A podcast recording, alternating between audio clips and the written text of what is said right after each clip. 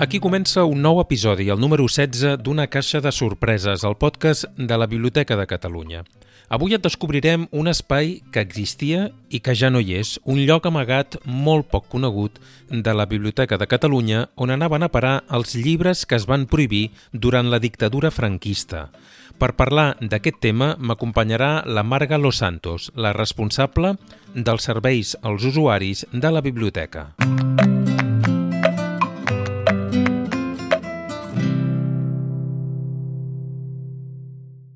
Una caixa de sorpreses, el podcast de la Biblioteca de Catalunya.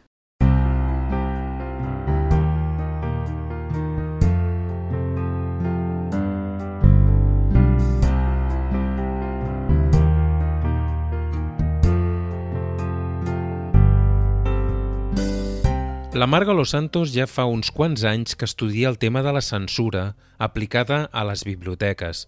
Tot va néixer amb la celebració del centenari de la Biblioteca de Catalunya, que havia de tenir lloc l'any 2007. Per aquell aniversari es va preparar un llibre commemoratiu que van elaborar l'arxivera en aquell moment de la biblioteca, la Reis Fontanals i la Marga Los Santos. Totes dues es van dividir les tasques de manera que a la Marga li va tocar tractar la història de la biblioteca a partir de la Guerra Civil. I començant amb la Guerra Civil, comença directament amb, amb censura i el que va passar amb la guerra i després de la guerra. Era un tema que jo havia sentit lleugerament però que desconeixia i clar, per preparar el llibre em vaig endinsar i vaig aprendre moltíssim i de fet em va servir de base per la, la meva tesina perquè estava preparant el doctorat i vaig treballar amb aquest tema. Però, Marga, abans de seguir, podríem explicar una mica què trobarà qui ens escolti en aquest episodi del podcast? A veure, es trobarà curiositats perquè a la gent li crida l'atenció això del, de la censura i la paraula infern, que bueno, tothom té més o menys un referent del que és l'infern, però potser no saben que és l'infern referit a una biblioteca. No saben que quan parlem d'infern a la biblioteca hi ha un, un espai concret que es deia així i que representa això. Suposo que et pots fer una idea una mica, però no, no saps què és. De fet, jo no ho sabia i llavors ho vaig aprendre. L'infern aplicat als llibres i a les biblioteques no és un tema recent. De fet, hauríem d'anar molt enrere.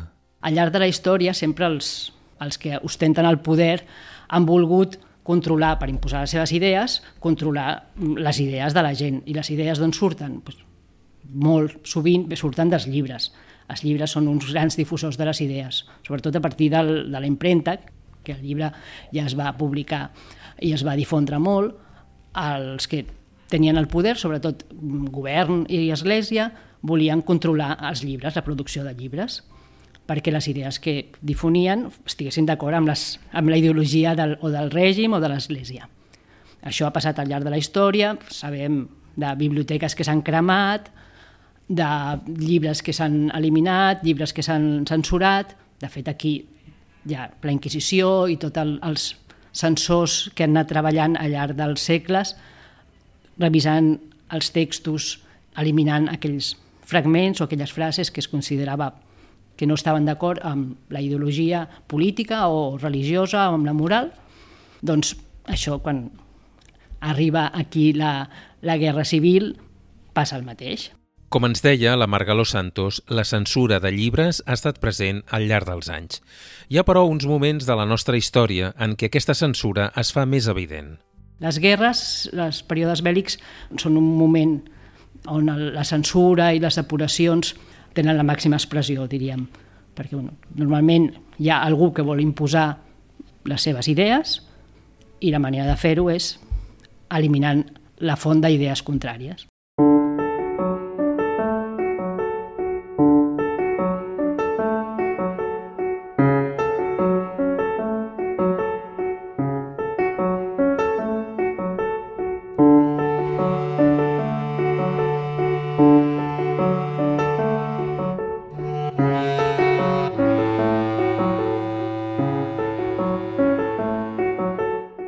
Guerra Civil i posteriorment, durant la dictadura franquista, es van regularitzar tots aquells llibres que s'havien de prohibir, els que es podien publicar i els que no.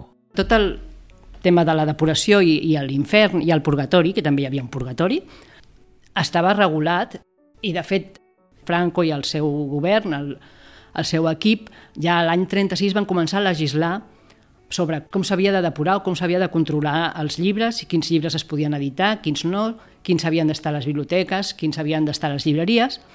I llavors ja el 38 i el 37 es publiquen una sèrie de reglaments i unes normes que indiquen doncs, els llibres que havien d'estar als inferns i als purgatoris.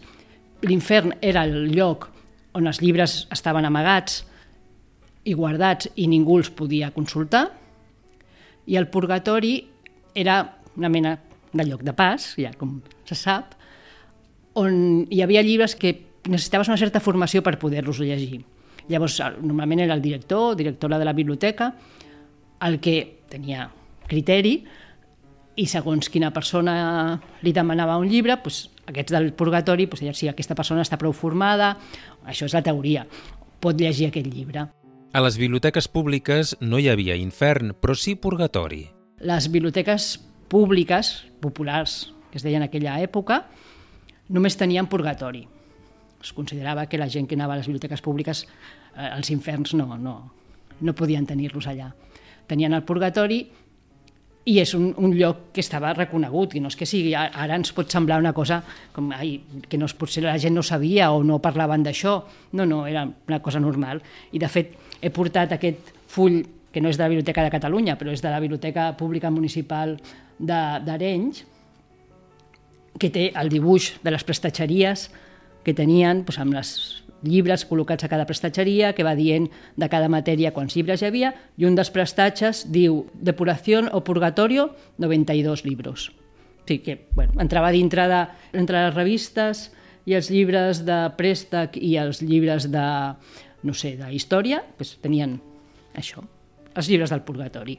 A la Biblioteca de Catalunya sí que hi va haver infern, a diferència de moltes biblioteques públiques. Aquí l'infern es va fer just quan van obrir la biblioteca, o sigui que la Biblioteca de Catalunya va coincidir la Guerra Civil amb el trasllat des de l'edifici antic, des del Palau de la Generalitat, que és on estava originalment, cap a aquest edifici. Van fer les obres durant tota la guerra i la biblioteca estava preparada per obrir ja el 39. O sigui que el 39, al gener, eh, Jordi Rubió, que era el director, va esperar la nit del 25 al 26, que és quan van entrar a Barcelona, va esperar que arribés el responsable de cultura, que era l'Asso de la Vega, per donar-li les claus d'aquesta biblioteca, un acte sí, simbòlic perquè se'n fessin responsables doncs, els nous que venien. De totes maneres, l'infern de la biblioteca sembla ser que no era gaire gran. Les biblioteques públiques tenien el fons que en l'època de la República tenia més sortida o s'havia publicat més, hi havia molt fons comunista, d'una ideologia republicana i més revolucionària.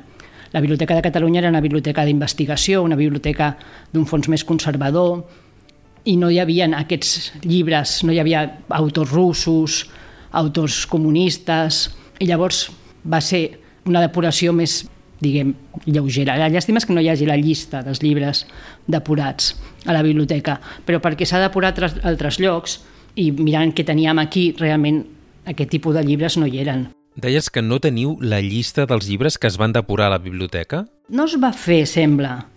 Clar, és una cosa que nosaltres ara li donem molta importància i ens sembla curiós i, i que imprescindible i sembla mentida que no haguessin fet la llista, però realment en el dia a dia, quan et passen coses, no els hi dones la importància que té retrospectivament. I suposo que és una cosa que en aquest moment aquests llibres s'han de treure, es van treure, el que van fer va ser treure les fitxes del catàleg, que això sí que està registrat, treien els llibres dels prestatges, dels catàlegs, els cedularis que estan a la sala, treien la fitxa i així ja no quedava rastre. I aquests fitxers estaven al despatx del director.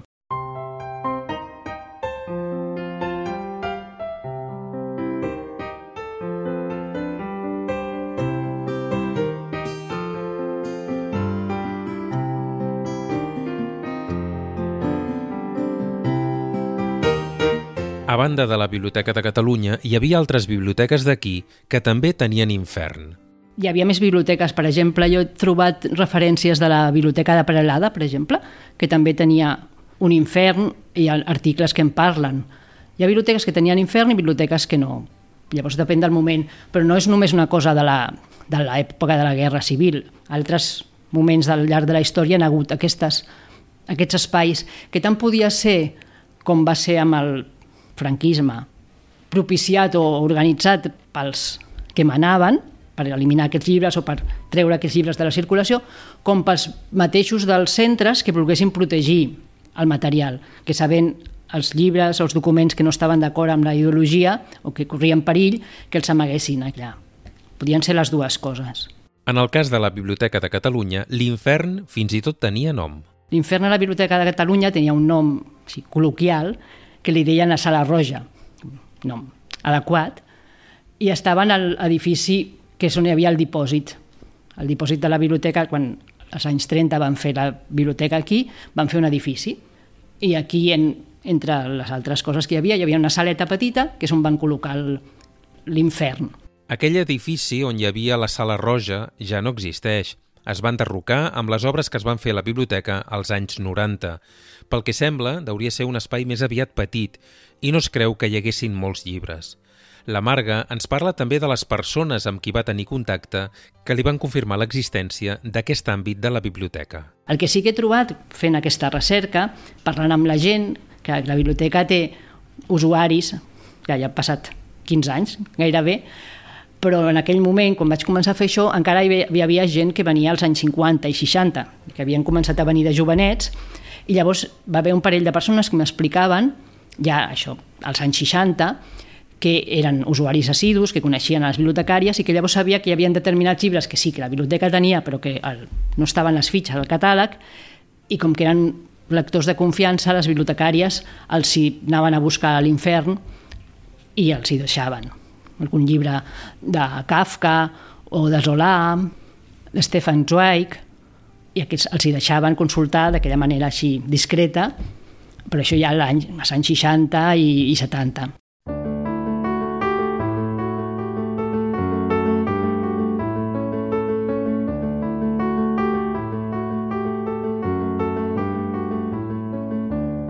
Les directrius franquistes deixaven ben clar quin tipus de llibres i publicacions quedaven prohibides a les biblioteques.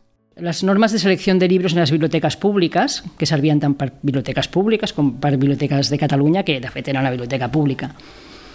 L'any 36 ja diuen Por orden de la Presidencia, se declaró ilícita la producción, comercio y circulación de los libros, periódicos y folletos y toda clase de impresos y grabados pornográficos y de literatura socialista, comunista, libertaria i en general dissolvente. A mi aquesta paraula dissolvente sempre em va cridar molt l'atenció perquè tu imaginaves, o sigui, la idea que tenien que qualsevol tipus de coses d'aquestes comunista, socialista, pornogràfica ja no parlem, dissolia el cervell allò que segons què fessis et quedava sec i així, doncs, el mateix, aquest concepte, doncs aquesta idea.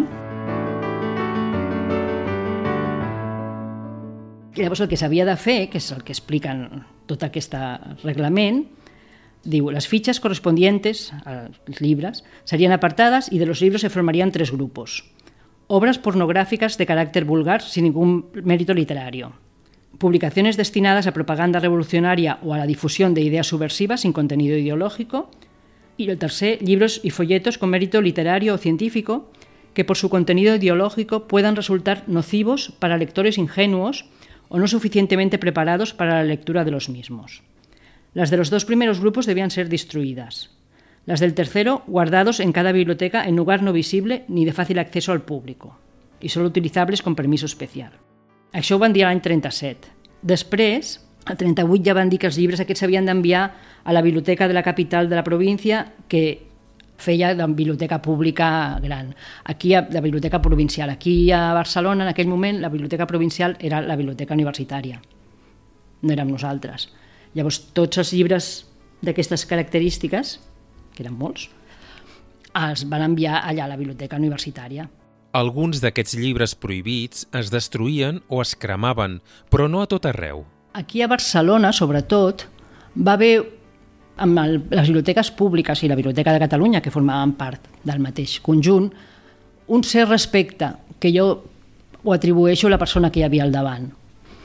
Una persona que era franquista, evidentment, de seguir la ideologia, si no, no l'haurien posat, Felip Mateu, es deia el director de la biblioteca, que el respectaven, però jo crec que va saber navegar molt bé en les aigües, allò de les aigües procel·loses del, del franquisme, i llavors va saber mantenir aquesta mena d'estatus quo i defensar les col·leccions, sempre respectant tota la ideologia, no deixant llegir els llibres, però les biblioteques, ni les públiques ni les de, la de Catalunya, es van eliminar llibres. Es van treure de la circulació i ja està. Altres, aquí mateix al carrer del Carme, l'Ateneu Enciclopèdic, es van llançar per la finestra i es van cremar. Vull dir que, que realment al voltant tenim exemples d'això, però el que depenia d'aquesta persona no va passar.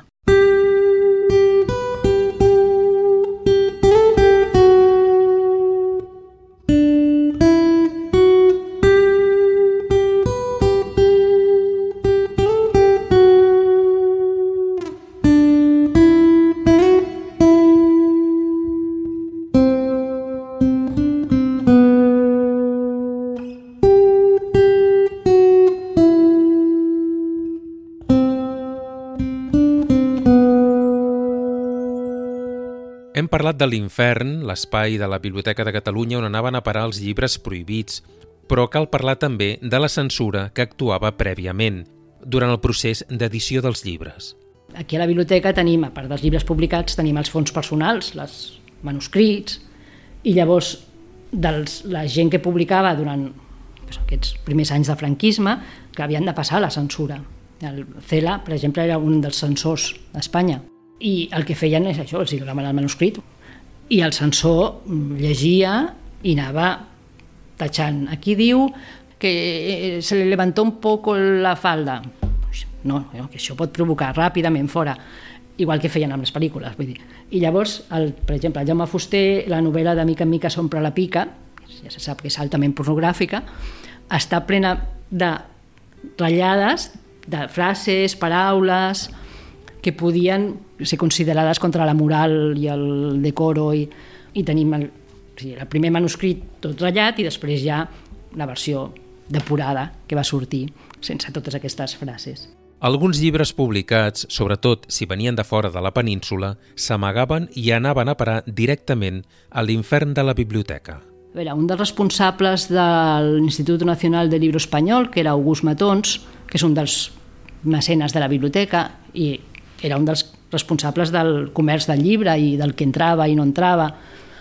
Hi havia alguna carta que li enviava al director que li deia t'envio aquests llibres publicats fora d'Espanya perquè els guardis, no, no deia l'infern, però que, perquè els deixis fora de la circulació. O sigui, entraven ja llibres que ja, ell ja sabia en aquell moment es publicaven que no estaven acceptats, que no es podien publicar a Espanya, perquè la biblioteca es tingués però guardats. I això era el responsable del, diguem, de la censura a nivell d'Espanya. O sigui que, bueno, en totes les èpoques hi ha aquestes coses.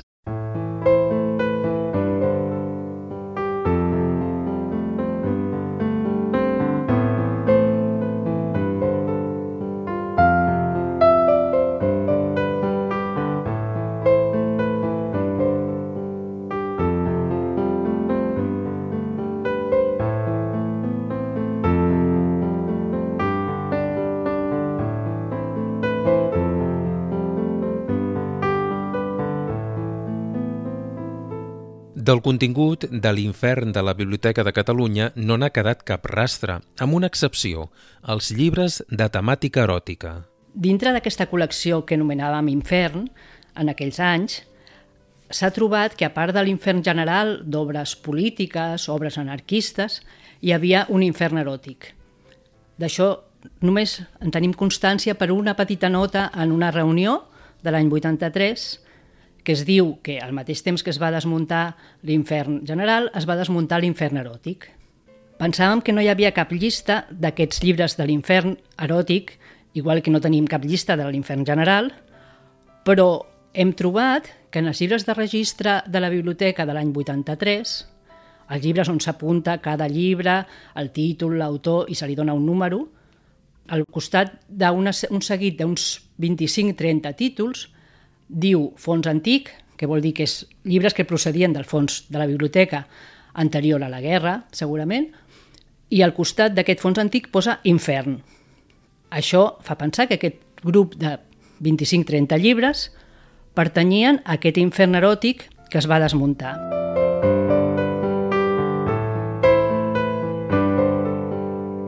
A diferència dels altres llibres que sí que estaven catalogats i en el seu moment s'havien tret del catàleg i del magatzem, aquests sembla que no havien estat mai incorporats ni al magatzem ni al catàleg. Per tant, que la directora en aquell moment, Rosalia Guilleumes, deia que aquest infern eròtic s'havia portat a processar. O sigui que s'havia posat en número de registres, s'havien catalogat i s'havien incorporat de forma natural al catàleg l'any 83. Però quin tipus de llibres conformaven aquest infern eròtic? Aquesta col·lecció és d'obres diverses, d'autors estrangers, la major part, publicats entre els finals del 19 i els anys 50 del segle XX, el que fa pensar que és un infern que no s'havia fet només abans de la guerra, amb els llibres que havien entrat abans de la guerra, sinó que s'havien anat incorporant llibres al llarg dels anys quan la biblioteca ja funcionava durant el franquisme. Segurament eren llibres que havien arribat amb alguna donació, per alguna altra via, i havien considerat que no podien formar part de la col·lecció i s'havien ficat en aquest infern. I ens podries posar alguns exemples de les obres que formaven part d'aquesta col·lecció de llibres prohibits? Són títols com Els contes de Boccaccio o un de Musset que es deia Gamiani o Dos noches de lujuria, La Venus de les pieles de Sacher Mosk, una sala d'espera de Max Aup, i després tota una col·lecció d'uns llibres que es deien Los bajos fondos de Barcelona, d'Enrique Mistral, publicats als anys 20, que eren com uns fulletons que tenien títols com La orgía de los invertidos, La trata de blancas, La corrupción de menores,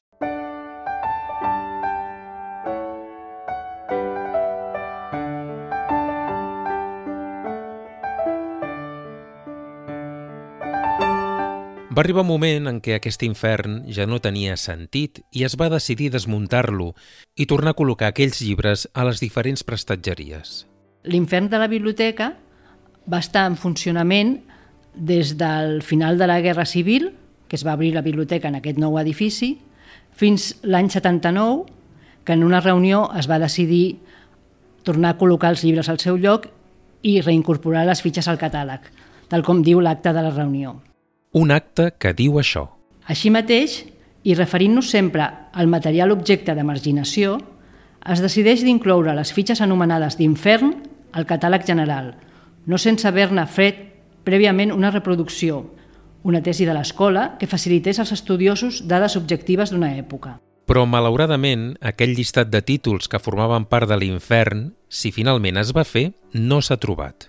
Això està signat el 15 de gener de 1979, però si es va arribar a fer no n'ha quedat rastre d'aquesta llista. El que sí que sabem, a través de la memòria de la Biblioteca de Catalunya de l'any 1983, és en quin moment es va procedir a restituir aquells llibres que havien format part de l'infern. Aquest any s'ha eliminat un problema obert a la Biblioteca de Catalunya com a conseqüència de la darrera Guerra Civil, Vista la fúria anticatalana dels partidaris del general Franco i els actes de vandalisme contra les manifestacions artístiques, gràfiques i bibliogràfiques de l'esperit català, perpetrades sobretot per elements d'inspiració falangista, la direcció de la Biblioteca de Catalunya i els conservadors del primer moment de la postguerra van vetllar perquè la biblioteca no fos censurada ni sotmesa a un vergonyós expoli. A tal fi, van decidir de retirar del catàleg alfabètic d'autors i obres anònimes totes les fitxes d'aquelles obres que per la seva inspiració en els ideals democràtics, catalanistes i d'emancipació social eren la pressa covejada dels grups de mentalitat anarcototalitària que aleshores volien il·luminar Catalunya amb la intel·ligència de les fogueres i la destrucció a la qual destinaven, sense cap mena de discerniment, tot el que semblava contrari a l'esperit de llur rancúnia. Així foren salvaguardats molts llibres i fullets essencials per a la comprensió de certs moments de la nostra peripècia col·lectiva. I és just que des d'aquestes pàgines es reti homenatge al doctor Felip Mateu i al doctor Pere Boigas i Balaguer, que foren els principals artífecs d'aquesta operació, no exempta de perills en aquells moments d'ensegats abrandaments passionals. Ara, finalment, totes les fitxes separades del catàleg després de la guerra han estat revisades. S'ha comprovat un per un cada llibre o fullet, per a constatar la seva existència al magatzem i s'ha completat així el catàleg de la Biblioteca de Catalunya al qual li ha estat llevat el jou d'una imposició del tot impertinent.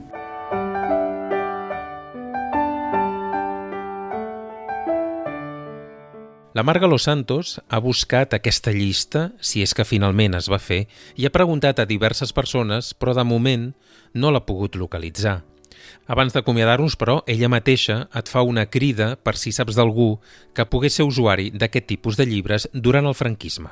Algun lector que vingués en aquella època que digui, sí, sí, jo venia i, vaig ser d'aquests que em van treure els llibres del, de l'infern, de la sala roja, si ens ho diguessin, seria perfecte perquè si ens diguessin, no, no, jo venia i consultava aquest llibre, a part d'aquests de Solà i Zweig, que jo recordo que em va dir aquesta persona, segur que hi havia altres, si algú sap o recorda o li han explicat, serà molt benvingut.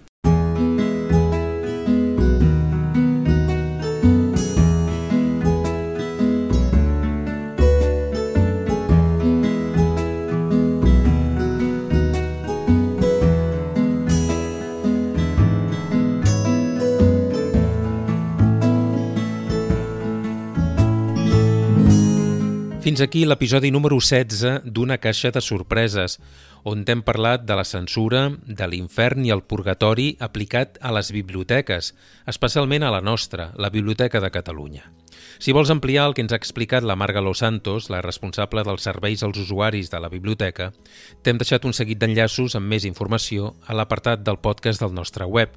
Per anar-hi, només has de posar en un navegador d'internet bnc.cat barra podcast i si vols contactar amb nosaltres, ho pots fer a través de l'adreça de correu electrònic podcast arroba bnc.cat.